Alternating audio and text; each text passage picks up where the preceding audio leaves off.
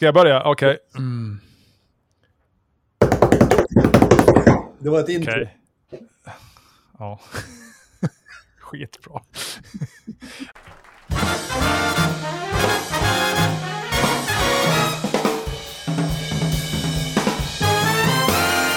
Då säger vi hej och välkomna till avsnitt 47 av Ålands Handel. Jag heter som vanligt Fredrik Rosenqvist och med mig har jag på distans Jörgen Pettersson. Hur mår du idag Jörgen? Idag är det en av dessa dagar som man kan skriva hem och berätta om egentligen. En fantastisk dag på många sätt. Vi har satt eh, tryckerier på, i arbete och vi ser fram emot ett eh, nytt nummer av Ålands Handel som kommer nästa vecka. Ja, det var, det var roligt. Jag vet, jag gick på, på, vid lunchen här och så hörde jag Hesa Fredrik gala och då tänker man på, mm, nu är det ny månad och nytt kvartal. Det är roligt. Första oktober, det blir en sån här kvartalsrapportsknarkare som du då som ser fram emot nya. Ja man, får, ja, man får ju vänta några veckor, men det är lite skönt alltid. När det, är så här. det är som ett nytt år och nya kvartal och nya veckor och sådär. Man får börja liksom om och göra, tänka om och göra bättre och sådär. Göra ja. allt rätt som man misslyckades med i förra kvartalet. Det där är faktiskt ganska... Nej men exakt. Det är uh, tänka så, men i alla fall. Sen vet man att man har momsredovisning att se fram emot också när man momsredovisar varje kvartal. Det är inte lika roligt, men det, det, det, det, är väl som det är. Yes, the luck. Ja. Vad, vad har du lärt dig av den här uh, utgåvan av Ålands Handel och arbetet med den? Har du lärt dig något speciellt? Utan att avslöja innehållet för mycket förstås. Men... Faktiskt så har jag lärt mig och jag har blivit igen påmind om vilken otrolig entusiasm det finns för allt möjligt ute i samhället. Och hur, hur starkt Åland står idag när det gäller till exempel vår besöksnäring. Den tycker jag att vi lyfter fram på ett förträffligt sätt och det är så skoj att läsa dessa intervjuer med de som i verkligheten möter alla dessa gäster. Och vilket jädra arbete som utförs varenda dag för att folk som kommer hit med färjor eller flyg ska ha det bra och ha det mm. roligt. Jo, jo. Absolut, roligt. Jag äh, känner att jag har fått grotta ner mig mer än vanligt kanske i, i aktier och placeringar i det här numret. Och det, det har varit roligt. Jag har fått lära mig äh, nya saker om någonting som jag redan tycker är roligt. Sådär, så att, har ja, känts utvecklande. Du kommer bland annat få ett resonemang om när nästa börsbubbla spricker. Det, det var ju roligt. vi kanske är mitt inne i den, uh, för vi, det är ju nytt kvartal nu, och, men uh, vi lämnar ett kvartal bakom oss och var det ganska kämpigt. Vi har haft den sämsta börsmånaden sedan mars 2020 och mars 2020 var ju ingen höjdare. Uh, och det är den... Man leva i en börsbubbla utan att veta om det. Ja. den här veckan tror jag, börsen är ju ner ganska mycket idag också. Den här veckan har varit den sämsta sen, ja, men på ett år. Typ. Det var någon gång i oktober förra året som det var lite så här dåligt också. Så att, ja, det är Evergrande och stigande räntor och inflation och, och, och, och allt annat, annat omöjligt som ställer till det just nu. Men, Evergrande, det kinesiska jättebolag, jag läste någonstans att deras skulder uppgår ungefär till Sveriges BNP. Mm. Är det ja. riktigt eller är det, är det ljug? Nej, det, det, stämmer säkert. Du sa att det var världens största fastighetsbolag. De är till och med bara nummer två i Kina. Men ja, de är ju stora ändå. Men de har ju missat lite fler betalningar nu och sådär. Så att vi får väl se vad som händer. Men eh, jag tänkte vi skulle börja lite grann med olja. Uh, för oss vanliga människor som, som tankar bensin så är det väldigt dyrt just nu och det lär inte bli billigare. Um, det är väl typ de dyraste bensinpriserna vi någonsin har haft just nu och de, de är ju inne i en stigande trend så när det blir vinter så är det förmodligen dyrare att tanka bilen än någonsin om man fortfarande kör på bensin. Uh, och även uh, priser på, på, på uh, Nordsjöolja och, och, och, den här amerikanska oljan har stigit väldigt mycket. det är dyrt med olja vi kan ju inte riktigt vara överraskade för det, för det här har vi nog sagt ända sedan pandemin egentligen slog till, när man insåg hur hårt som hela världen drog i handbromsen. När mm. så mycket stannade av. Och sen så ska vi bara gå till oss själva, tror jag i varje fall, att eh, längtan efter att återgå till det normala, träffa folk, hälsa på folk, resa, göra grejer. Allt det där skapar ju en enorm efterfrågan på olja som då har upp, upphört egentligen under de, här, under de här månaderna nu som har varit. Så när mm. alla ska sitta på en och samma gång, det, ska, det är mycket olja som ska transporteras och pumpas just nu. Ja, ja och nej, det är ju... de, som, de som transporterar jetbränsle, alltså till flygplan, de har inget roligt. det är inte jättemycket som flygs nu, eh, så här transatlantiskt mellan Europa och sådär. Sen är det väl, jag satt och funderade på det här faktiskt igår. Eh, man kan ju bli att tänka på så här, vad kommer hända med oljepriser i framtiden? Jag tror ju att vi är på väg att fasa ut olja. Och det som har hänt de senaste åren är ju att oljebranschen upplever ju liksom lite kriser med jämna mellanrum, där, där priser liksom kraschar. Och då stänger man oljefält och de som är minst lönsamma, man stänger igen dem och, och slutar pumpa upp olja. Och sen när priser stiger igen, då öppnas inte de här på nytt. Så vi får hela tiden färre och färre fält uh, och vi, det, man underprospekterar. Och jag tror det här om jag får gissa, håller i sig. Uh, vi kommer att uppleva flera fler krascher av oljepriser. Uh, flera fler fält stängs ner, man, man prospekterar inte nytt. Uh, samtidigt som man, man fasar ut oljan. Så på sikt tror jag det här kommer leda till att vi kommer att få otroligt höga oljepriser. Uh, sen, och sen liksom, det blir lite som med tobak. Det är färre och färre och färre som använder olja. Eh, men de kommer att få det jäkligt kämpigt. De som är liksom oljetorskar fortsättningsvis. Det är de som röker idag. Men ett paket cigaretter kostar ju typ som en månadslön. Men det finns vissa som inte kan sluta. Och de, de bungar ut det där liksom, jämfört med vad ett paket cigaretter kostar på 80-talet. Så tänk om det blir så för olja, att vi som, eller de som kör på bensin eller fraktar olja i, i framtiden, de får liksom stå ut med, med priser som är helt horribla. Eh, så att, ja. Det där, det där finns det faktiskt stöd för om man går till, till rederinäringen och oljetankers som ju i vanliga fall ofta i varje fall, om, om bensinpriset stiger, om oljepriset stiger, så stiger också fraktraterna. Eftersom efterfrågan då blir ibland, den är så stor att de måste köra för, på heltid för att mm. lyckas förse marknaderna med denna olja. Den här gången så har det inte märkts ännu. Alltså, oljeraterna ligger fortfarande extremt lågt. Det handlar om ja. 5 och 10 000 dollar per dygn, vilket är kanske en fjärdedel mot vad de borde ha bara för att täcka sina kostnader och, och investeringar och grejer. Mm. Det är jo, rätt man... har det hållit på i ett års tid nu det har inte, den har inte börjat hicka upp ännu och det, det, det är konstigt. Nej, och jag såg någon prognos för 2022 och där tror, tror ju ingen att det kommer att eller ingen, men de flesta bedömer att de här fraktraterna för oljetankers kommer att hålla sig under den här break-even nivån även hela nästa år. Uh, så det, och det är lite nytt. Och det är, det är också nytt att energipriserna och oljepriser inte riktigt korrelerar på samma sätt. Så att man får nog vara beredd på att såna här gamla sanningar framöver kanske inte riktigt gäller längre. Uh, så att sen hur det, hur det blir i slutändan, det, det, det, vet man ju inte. Men jag skulle nog vara nervös om jag var i oljetankerbranschen. Alltså det, det, det, mm, det, det, är en bransch, bara för att tydliggöra, det är en bransch där folk som har lätt att bli nervösa inte ska vara. Nej. Så enkelt är det och så har det alltid varit faktiskt. Den är, mm, den är inte för, för, för lätt påverkad. Ja, jag kan ju tänka mig att oljebolagen kan ju vara som de här gamla tobaksbolagen, att de, de kan fortsätta tjäna pengar för att det är några som är torskar, liksom. Eh, så de kan, som fortfarande behöver olja och bensin. Men här får, du det, Ja. Här får det att låta som att vi inte riktigt behöver olja och bensin, men det är ju inte riktigt sant ännu i alla fall. Det är inte. Det är inte sant ännu. Hela men... världen som lever på fossila bränslen. 95 procent av vår sjöfart, kanske 100 procent, går på fossila bränslen. Jo, men eh, det, frågan är hur det kommer att vara 2030 och det är inte så länge dit. Det är bara eh, 20 år dit. Och man ska komma ihåg att menar, liksom, oljetankers och sånt har ju en, ändå en hyfsad lång ekonomisk livslängd. Så det är, jag tror det kan gå fort sen när det väl händer. Liksom. Men, ja. Du är lite dyster idag, du vaknar på fel sida eller vad det Nej, jag är inte alls dyster. Jag tycker det är bra. Vi ska inte ha, använda olja. så att ju snabbare det går, desto bättre. Sen kommer det ju att, få effekter för vår ekonomi som är ganska svåra att förutsäga. Uh, men i grund och botten är det en bra, bra rörelse att, att det blir sådär. Jag minns 73 typ, ja, när det var oljekris på riktigt i världen, typ den första. Mm. Då sa pappa ja. att det är nog frågan om, om, om, vi kom, om det kommer att gå att tanka bilen i höst. Ja. och alla pratar om peak oil och snart skulle det vara slut och allting. Ja. Det blev precis tvärtom har det faktiskt blivit. Ja, sen var ju, ja, oljekrisen 73 var ju speciell. Det var ju en 20 år lång högkonjunktur där som bröts eh, och blev lågkonjunktur. Men den hade ju politiska eh, orsaker. Det var ju arabstaterna som var lite sura på Israel över oktoberkriget.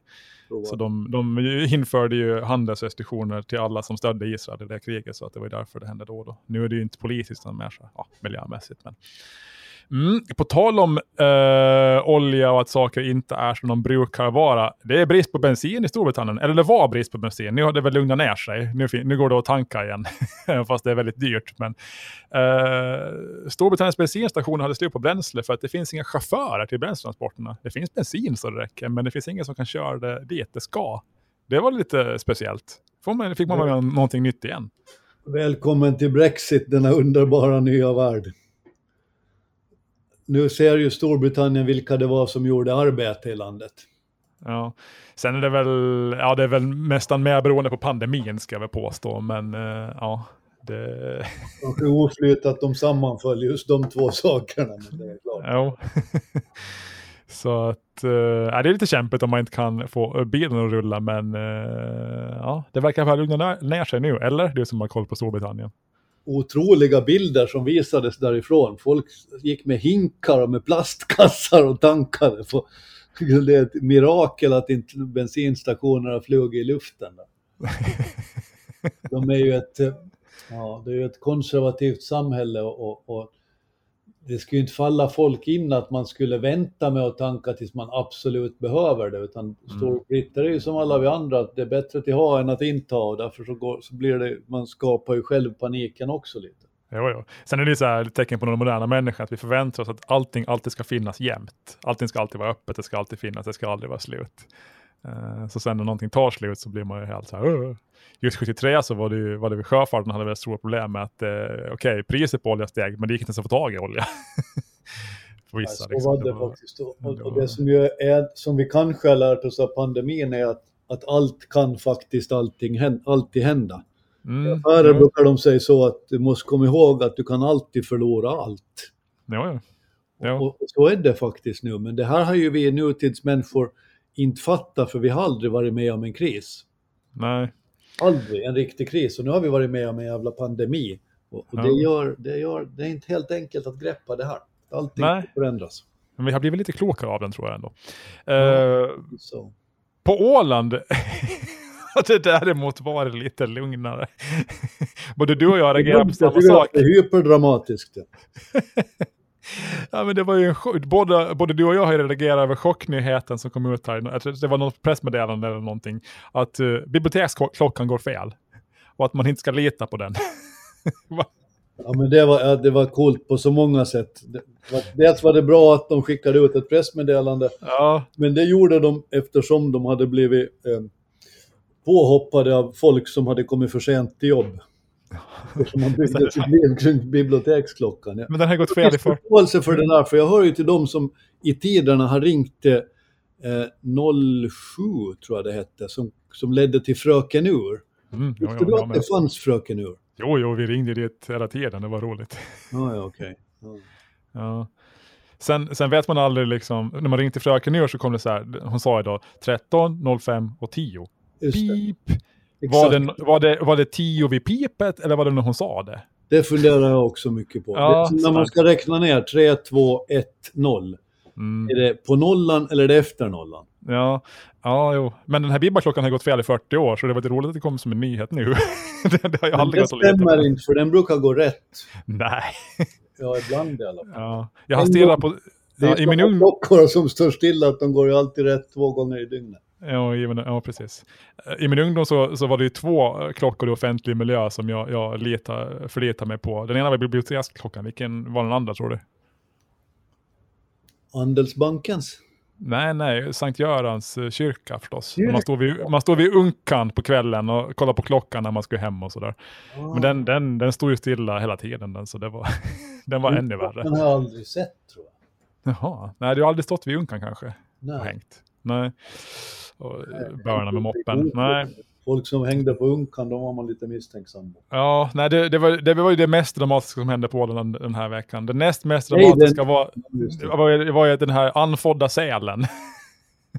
Den var fascinerande, för någon rörde sig alltså vid hamnpromenaden i Västerhamn mellan lördagen och söndagen och Ja. hörde ansträngda ljud utifrån havet, utifrån Ja. sjön, utifrån Svibyviken. Och kontaktade räddningsmyndigheterna som man ju ska göra om man är orolig att någonting skulle hända.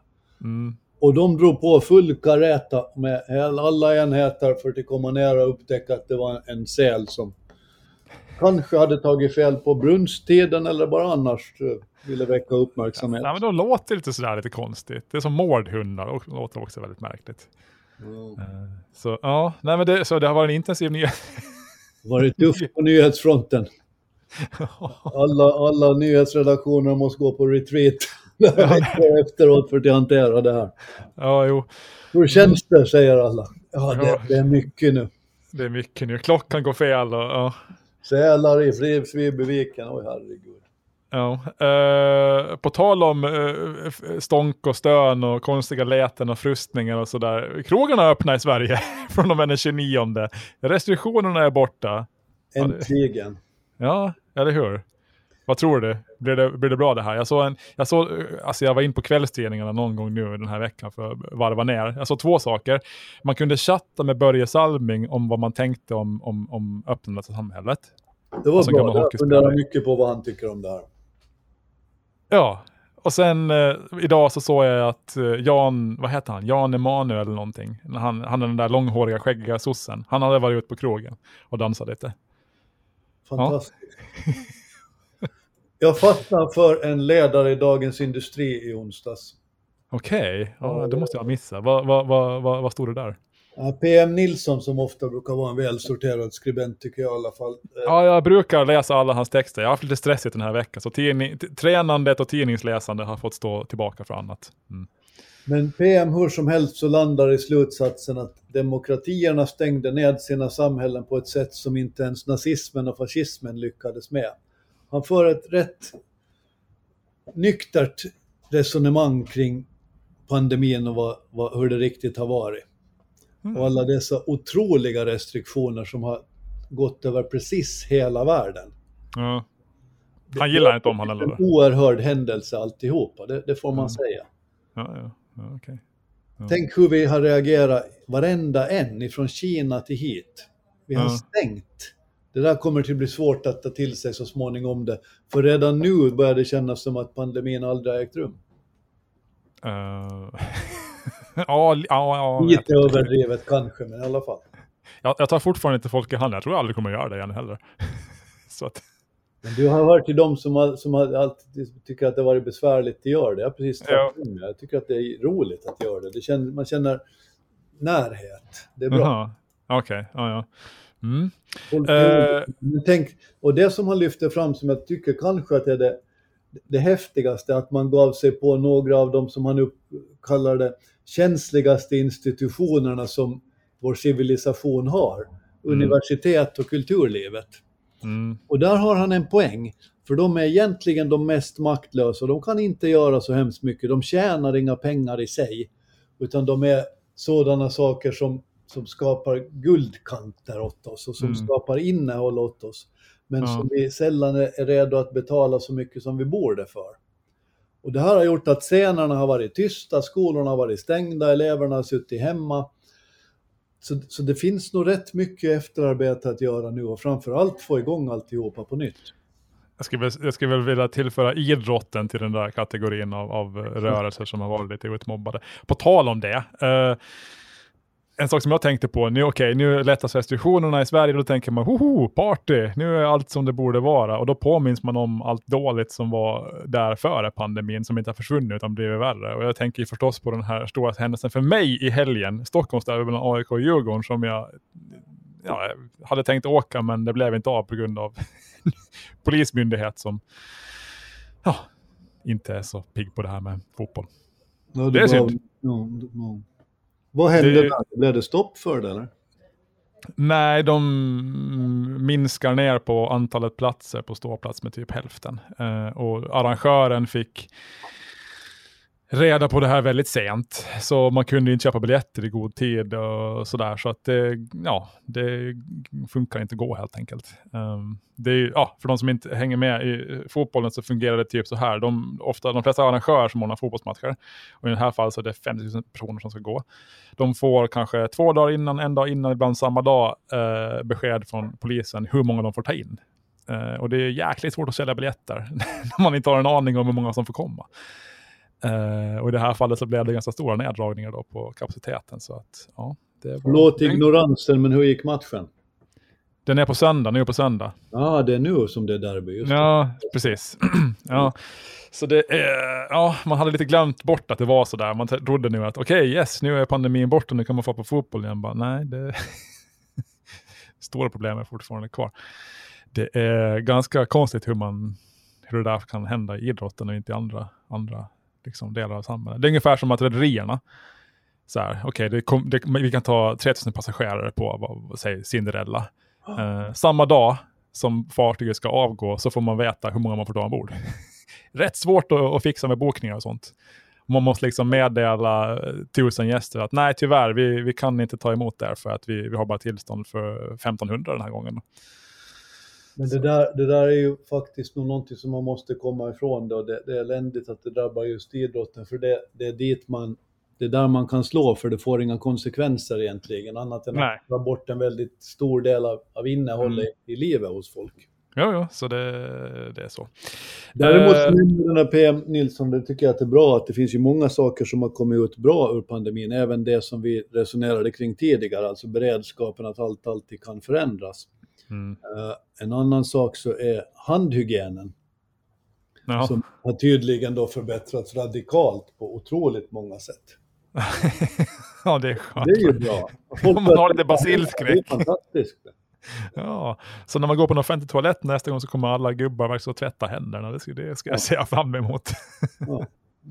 Ja, ja. På tal om att tvätta händerna, det är ett bra hälsotips. Du hade fastnat för något hälsotips från Anders Hansen. Är det han där blonda som man brukar säga i, Dagens Industri också, va, tror jag? Skriver han krönikor? Ja, han skriver krönikor där också. Jag gillar honom. Ja. Han är hjärnforskare ja. och psykiatriker ja, okay. och allt möjligt. Och, och, och som har gett sig den på att begripa vår hjärna. Jag tycker, den, jag tycker han är bra. Han har skrivit om skärmhjärnan, om hur, hur knäppt det är att sitta begraven i en telefon eller i en skärm alla dagar och vad det får för konsekvenser och allt sånt där. Ja. Men nu läste jag faktiskt en artikel som jag tyckte var väldigt bra som handlade om, om hälsotips, vad man ska göra för någonting.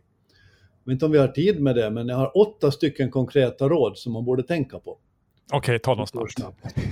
Träna och ta hand om kroppen, det är ju väldigt självklart. Ja. Umgås ja. med folk du bryr dig om. Ja. Och det är också bra. Till exempel genom att ta en promenad eller utöva en sport eller gå på AIK Djurgården. Det, det kan också vara bra.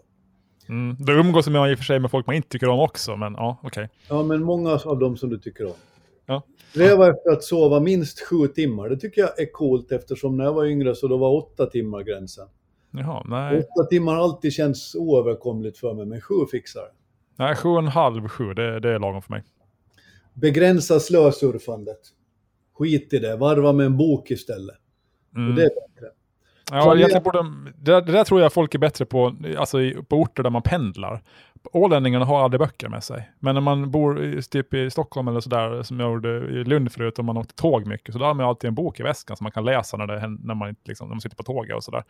Ålänningarna har inte det med sig, så det borde man börja med. Man borde ha en bok med sig hela tiden som man kan börja läsa istället för att slösurfa. Det borde vi faktiskt arbeta för, det. Make books great again. Mm. För den är, det är bra det alltså. Sen en sak som berör dig kanske, du och dina mm. Excel-ark, ja. som du måste dra ner på någon gång.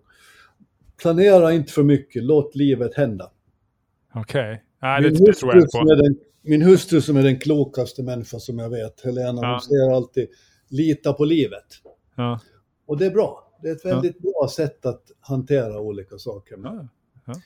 Sen eh, en rätt självklar sak, prioritera rätt saker och skippa onödiga måsten. Det där är ju lätt sagt, det är inte lika lätt gjort, för man begriper ju inte alltid vad som är rätt. Nej, jag känner igen ett onödigt måste, det är lite svårt det.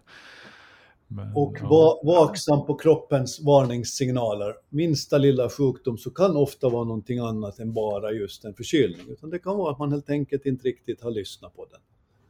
Ja, Okej, jag, jag, jag gillar sex av de här tipsen. Det där sista varningssignalet tycker jag också var dåligt. Det allra sista kommer nu. Lär dig hur kroppen fungerar. Okej. Det förstår jag kanske inte riktigt, men i alla fall. Ja, nej. Det här var kanske ingen, ingen av hans allra starkaste texter, men han har skrivit en bok som heter Skärmhjärnan. Den tycker jag alla borde läsa, för den är faktiskt tänkvärd på precis alla sätt. Ja. Och det var dagens hälsocoach-råd. det där med att lyssna på kroppen, det är så här, det har jag tänkt på, det är ett ganska, alltså man ska lyssna på kroppen, men man ska ju tolka signalerna rätt. För om du lyssnar på kroppen när det gäller träning, då tränar du aldrig. Då ligger du bara på soffan och äter godis. För din kropp vill det. Din kropp vill vila. det. Ja, men Jag egentligen det är en fantastisk känsla att ha träningsvärk. Jo, jo, efter du har gjort det med före. Så om man skulle lyssna på kroppen, för man, ofta när man tränar så har man ont och det, man är trött och sådär, men det gäller att bita ihop lite grann. Så om man lyssnar på kroppen och bara, nej jag har lite ont, jag stannar hemma då. då blir det liksom ingenting. Nu har jag inte haft det på väldigt länge, det är nästan flera år och därför borde man ju inte säga det för då kommer det väl igen. Men jag vet att när jag har arbetat för mycket eller stressat för mycket så brukar jag få sådana förkylningsblåsor på läpparna utan att vara förkyld. Mhm. Ja. Det, var, det har alltid varit en sån här typisk stresssignal. Jag vet i samma ögonblick som det, det börjar alltid med en liten pirrning i läpparna sådär. Okej. Och sen så brukar de då blossa upp efter ett tag. Och det är nästan hundraprocentigt så är det ett, ett tecken på att nu, har det, nu får du dra i bromsen lite. Ta det lugnt igen. Jag brukar få sådana här, det, det rycker i ena öga. Att liksom, inte, inte själva ögat, men vad heter det, ögonbrynet. Något sånt här. Ja. Det liksom får sådana här spasmer. Det har inte hänt mig sedan jag slutade på tidningen faktiskt. Så, Alltså, jag har inte haft det på flera år heller nu. Men peppar peppar, man borde inte säga det för då kommer det. nej, då sitter man där och rycker i ögat ikväll sen. Men jag har haft utbyte av det som vi har pratat om i denna podd när det handlar om hur man ska eh, hantera sitt arbete, hur man ska göra, Ja. hur man ska eh, ägna sig åt djuparbete, deep Ja. work. Och, och Ja. det har jag haft nytta av. Jag känner att jag har haft nytta av det. Ja, nej men samma, samma här. Uh, jo, absolut. Vi måste dela med oss av våra erfarenheter. Vi kan ta det kanske lite längre fram och sådär. För det finns Jag har ju faktiskt gjort det ganska tydligt till och med i denna podd. Går man tillbaka till några avsnitt och, och lyssnar på det så vågar jag nästan garantera att man blir en lite klokare människa. Ja, absolut. Um, Polestar måste vi ju ta upp, eh, tänkte jag. Och det tänkte du med. Ehm, ett eh, bolag som väl egentligen tillhör Volvo Cars, som ägs av kineserna, vad heter de, Geely, eh, som nu ska in på börsen genom en SPAC. Det har ju varit rykten om Volvo också, att de ska in på börsen igen efter att ha varit ägt av kineser. Ehm, det hade också noterat, att vi får ett svenskt EV-bolag, eller kinesiskt, på börsen. Ja, jag tycker det är väldigt inspirerande på många sätt. De här tar ju så vitt jag begriper upp kampen med Tesla direkt. Jo, de är ganska direkt konkurrent till Tesla. eh, och de har ju släppt, vad är det, Polestar 1 och 2 och kanske 3 och sådär. Och det är ju direkta konkurrenter till Tesla. Alltså det här premium-segmentet, att det ska vara så här performance. Alltså bilar ska gå jävligt fort helt enkelt, ursäkta språket. Ja. Så de ska in på Nasdaq-börsen i, i New York nu då. Det är häftigt. Verkligen, och de har ju använt alla knep i världen för att eh, hissa, hissa intresset för det hela. Mm. Eh, någonstans läste jag att de värderade till 173 miljarder kronor. Eh, och Ja. man inte bara nöjt sig med att, att, att svänga in Volvo Cars som ju är ett varumärke som är känt även i, i, i USA. Utan för säkerhets skull har man även påpekat att Leonardo DiCaprio, han i Titanic, är med och stöder det. Han är Titanic. Han har gjort så jäkla många bra filmer så tar du ut den enda dåliga han har gjort. Du kunde väl åtminstone ha sagt Wolf of Wall Street eller någonting. Han är Wolf of Wall Street. Va? Jag följer honom på Twitter, den riktiga Wolf of Wall Street. Jordan Jaha. Belford. Han är Jaha, okej. Ja, ja, jo, han är ganska rolig. Ja. Han har gjort en resa han som jag tycker att är väldigt Ja. imponerande. Han har Ja. gått ner sig så in i bomben. Jaha, Han har alltså gått ner. Ja, men han, han nådde sin egen botten med missbruk och allt vad det var för någonting. Ja, ja. Och Ja, bestämde sig där och då att nu får det vända. ja okej. Sånt, det finns inget som inspirerar mig lika mycket som det. Alltså vad du än gör för någonting här i världen så finns det alltid en väg framåt och uppåt.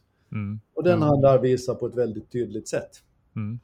Jo. Eh, det är spännande det här med, med Polestar. Det är en stor nyhet även globalt. Sådär. Ehm, det här bolaget. Jag, jag tänker mest på Polestar. De gjorde ju sådana konceptbilar eh, inom Volvo förr i tiden. Alltså typ så här racingbilar och sånt.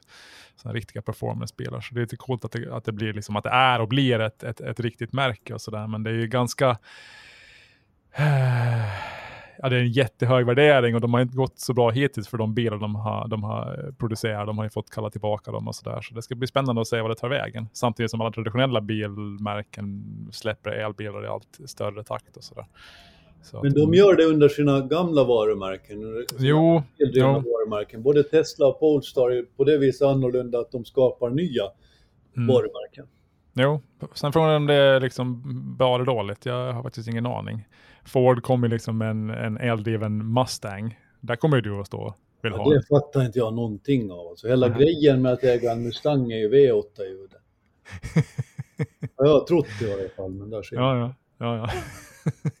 Så vi får väl se vad som händer med, med Polestar, med Volvo framledes också. Eh, Volvo Cars alltså. Eh, en sak som du kommer att somna av, alldeles helt säkert, är någonting som jag tycker är lite roligt. 2021 var helt unikt vad det gäller optionshandel. Alltså handel med, med, med köp och säljoptioner. Det görs ju miljoner affärer varje dag i, i sådana optioner och de ökar med 31% jämfört med i fjol. Och om man tar de tio dagar i världshistorien där det har skett flest affärer med optioner så ägde nio av de här ägt rum i år. Vad beror det där på? Att man helt enkelt har blivit, ställer sig mer skeptisk till framtiden? Efter en option, en option är ju väldigt yvigt förklarat att du köper rätten att köpa någonting längre fram. Nej, du, det, finns, ja, det finns fyra olika varianter. Du kan, okay. Det finns köpoptioner och säljoptioner. Så du kan köpa rätten att köpa någonting, köpa rätten att sälja någonting. Sen kan du ju sälja rätten att köpa någonting och sälja rätten att sälja någonting. Så det finns fyra olika varianter på det här. Men den enkla förklaringen är ju att eh, vanliga människor inser att när du köper en aktie så är det ganska svårt att få 100% avkastning på, på en timme. Det händer väldigt sällan. Optioner, då kan du få 100% avkastning på en timme. Så det är helt enkelt att man turboladdar sina aktieaffärer och kan få vansinnig avkastning eller förlora allt på minuter. Liksom. Så det, det, där, det där bär ju oerhörda likheter med bettingbranschen och spelbolag.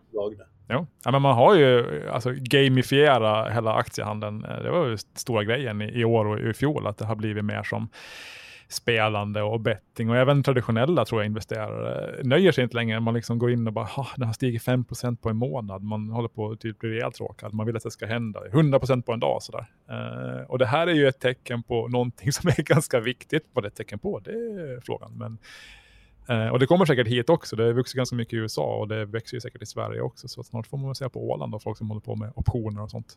Men det måste ju vara en konsekvens av att det finns så väldigt mycket pengar i rörelse.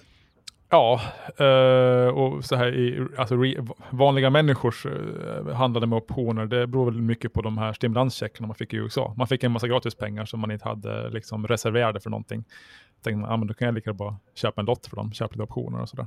Så det finns jättemycket videos på YouTube, så här, folk står och berättar hur man gör för att handla optioner, för det är ganska svårt. Det är ju liksom inte som att köpa aktier, utan det kräver lite mer kunskaper. Så att...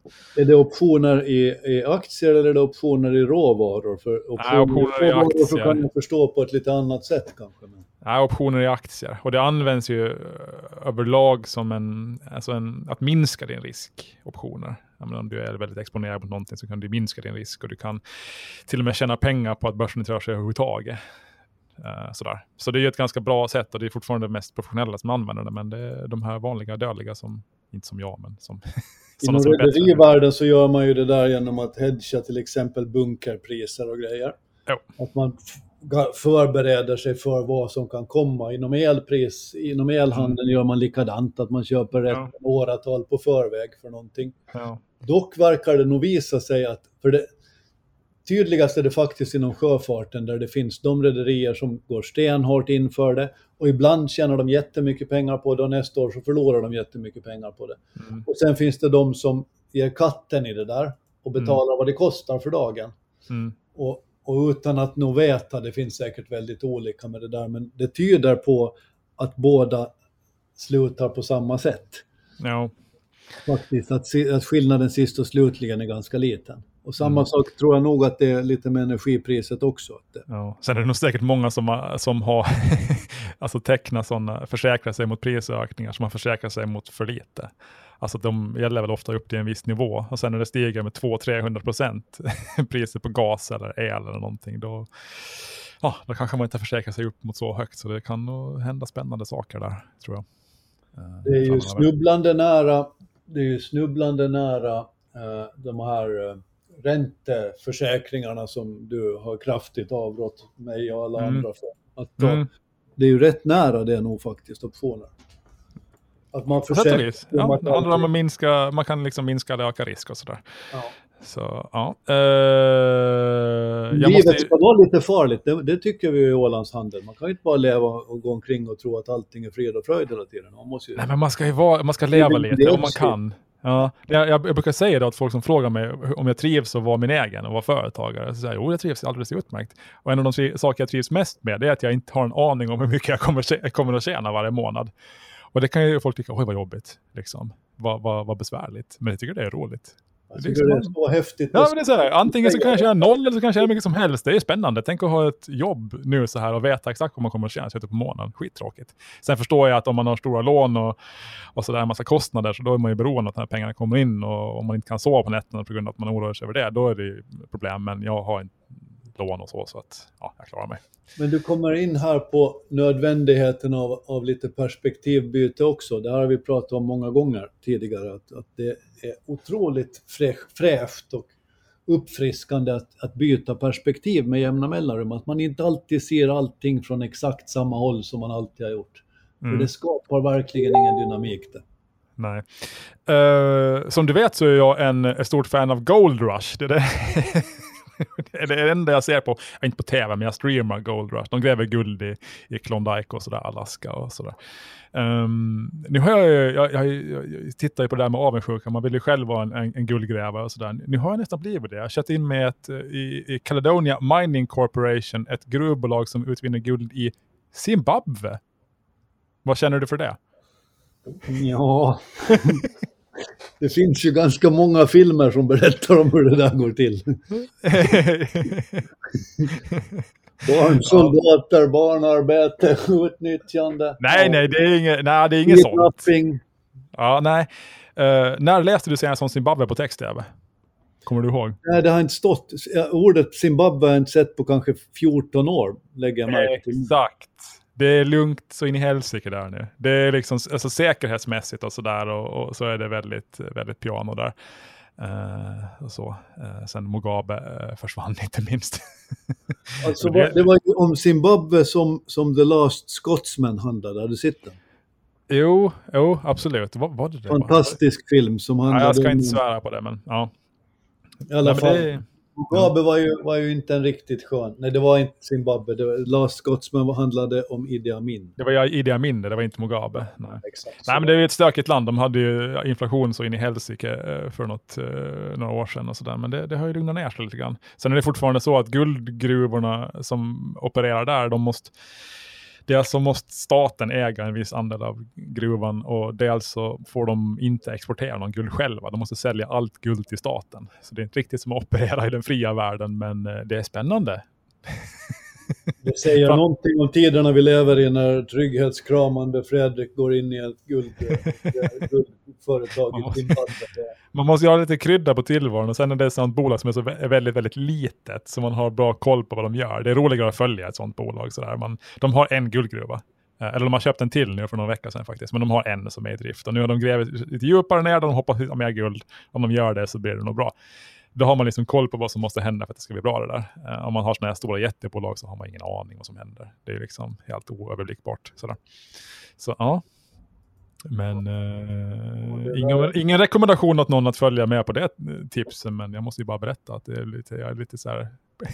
Bara för ordningens skull, hur går man rent praktiskt tillväga för att köpa aktier i Caledonia Mining Corporation? Går det via Nordnet eller något sånt här? Där, då, det funkar? Ja, det är om man har en, eh, ett, en, eh, en aktiedepå där man kan handla aktier på, vilken börs är de noterade på? Det är USA. Jag kommer inte ihåg om det var New York Stock Exchange eller Nasdaq faktiskt, men det var något USA-noterat. Noterade i USA. Den är noterad i USA, jo. Eh, det är väl egentligen ett kanadensiskt Du måste inte gå ner till Zimbabwe Stock Exchange. Nej, nej, men notera det i USA. Så det är inga konstigheter. Men det är en extremt liten aktie. Den handlas ju väldigt lite. Så den dagen jag köpte in mig så står jag väl för halva omsättningen tror jag. så, var- så att problemet är att om den, om den går bra den där i framtiden och jag skulle vilja komma ur, då kommer man ju aldrig ur den. För det finns ju knappt någon som köper den. Så att, mm.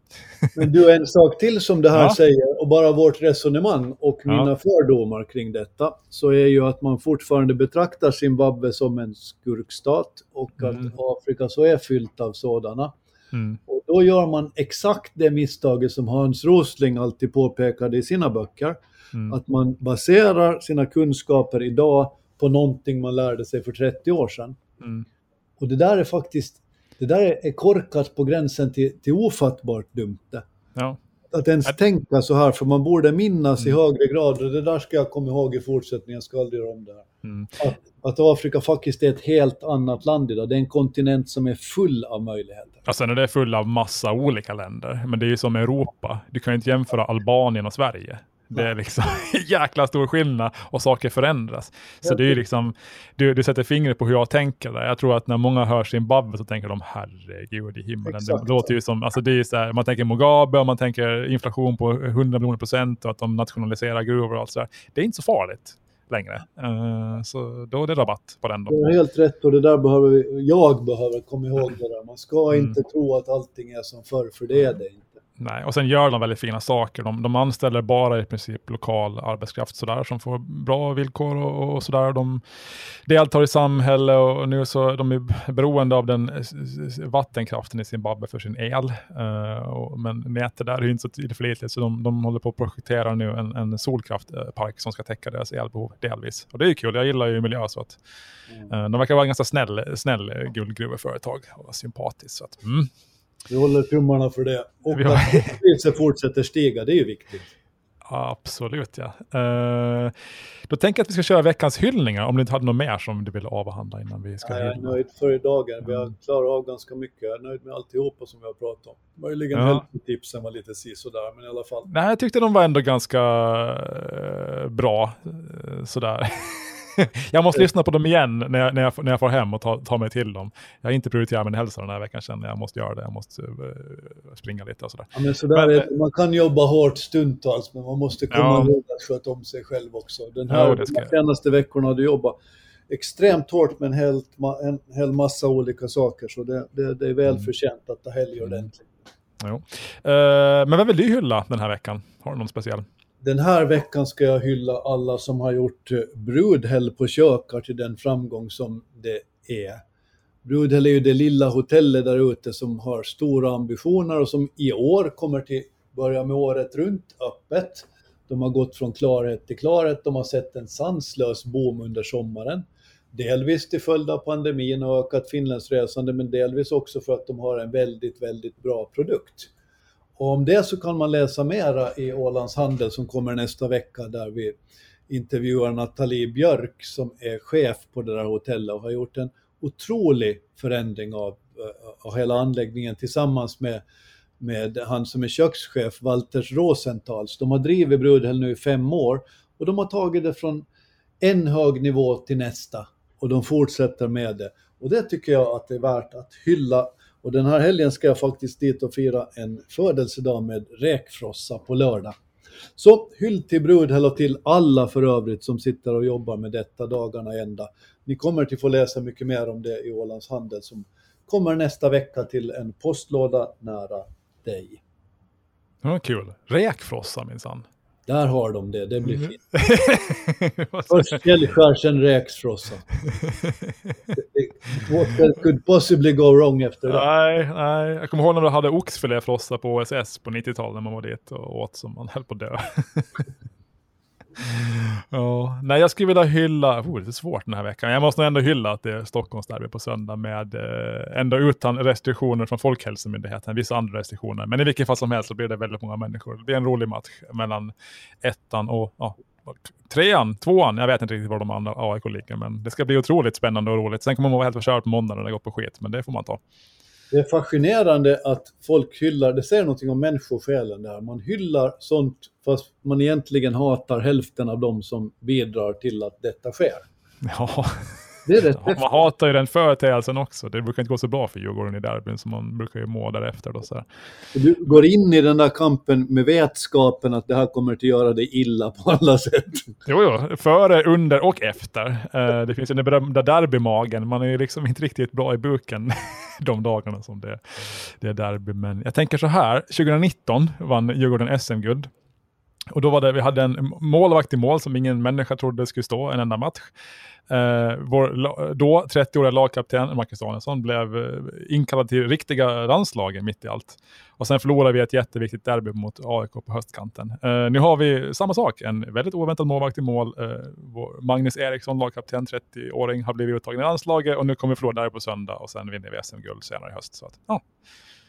Saken är klar. Saken är klar. vi tar, vi tar lite, vi tar lite eh, um, umbäranden och ångest för att nå målet. Ja. Enda målen helgar medlen som det heter. Mm, bra, då tar vi helg då så får alla hålla utkik efter en eh, splitterny tidning som kommer nästa vecka.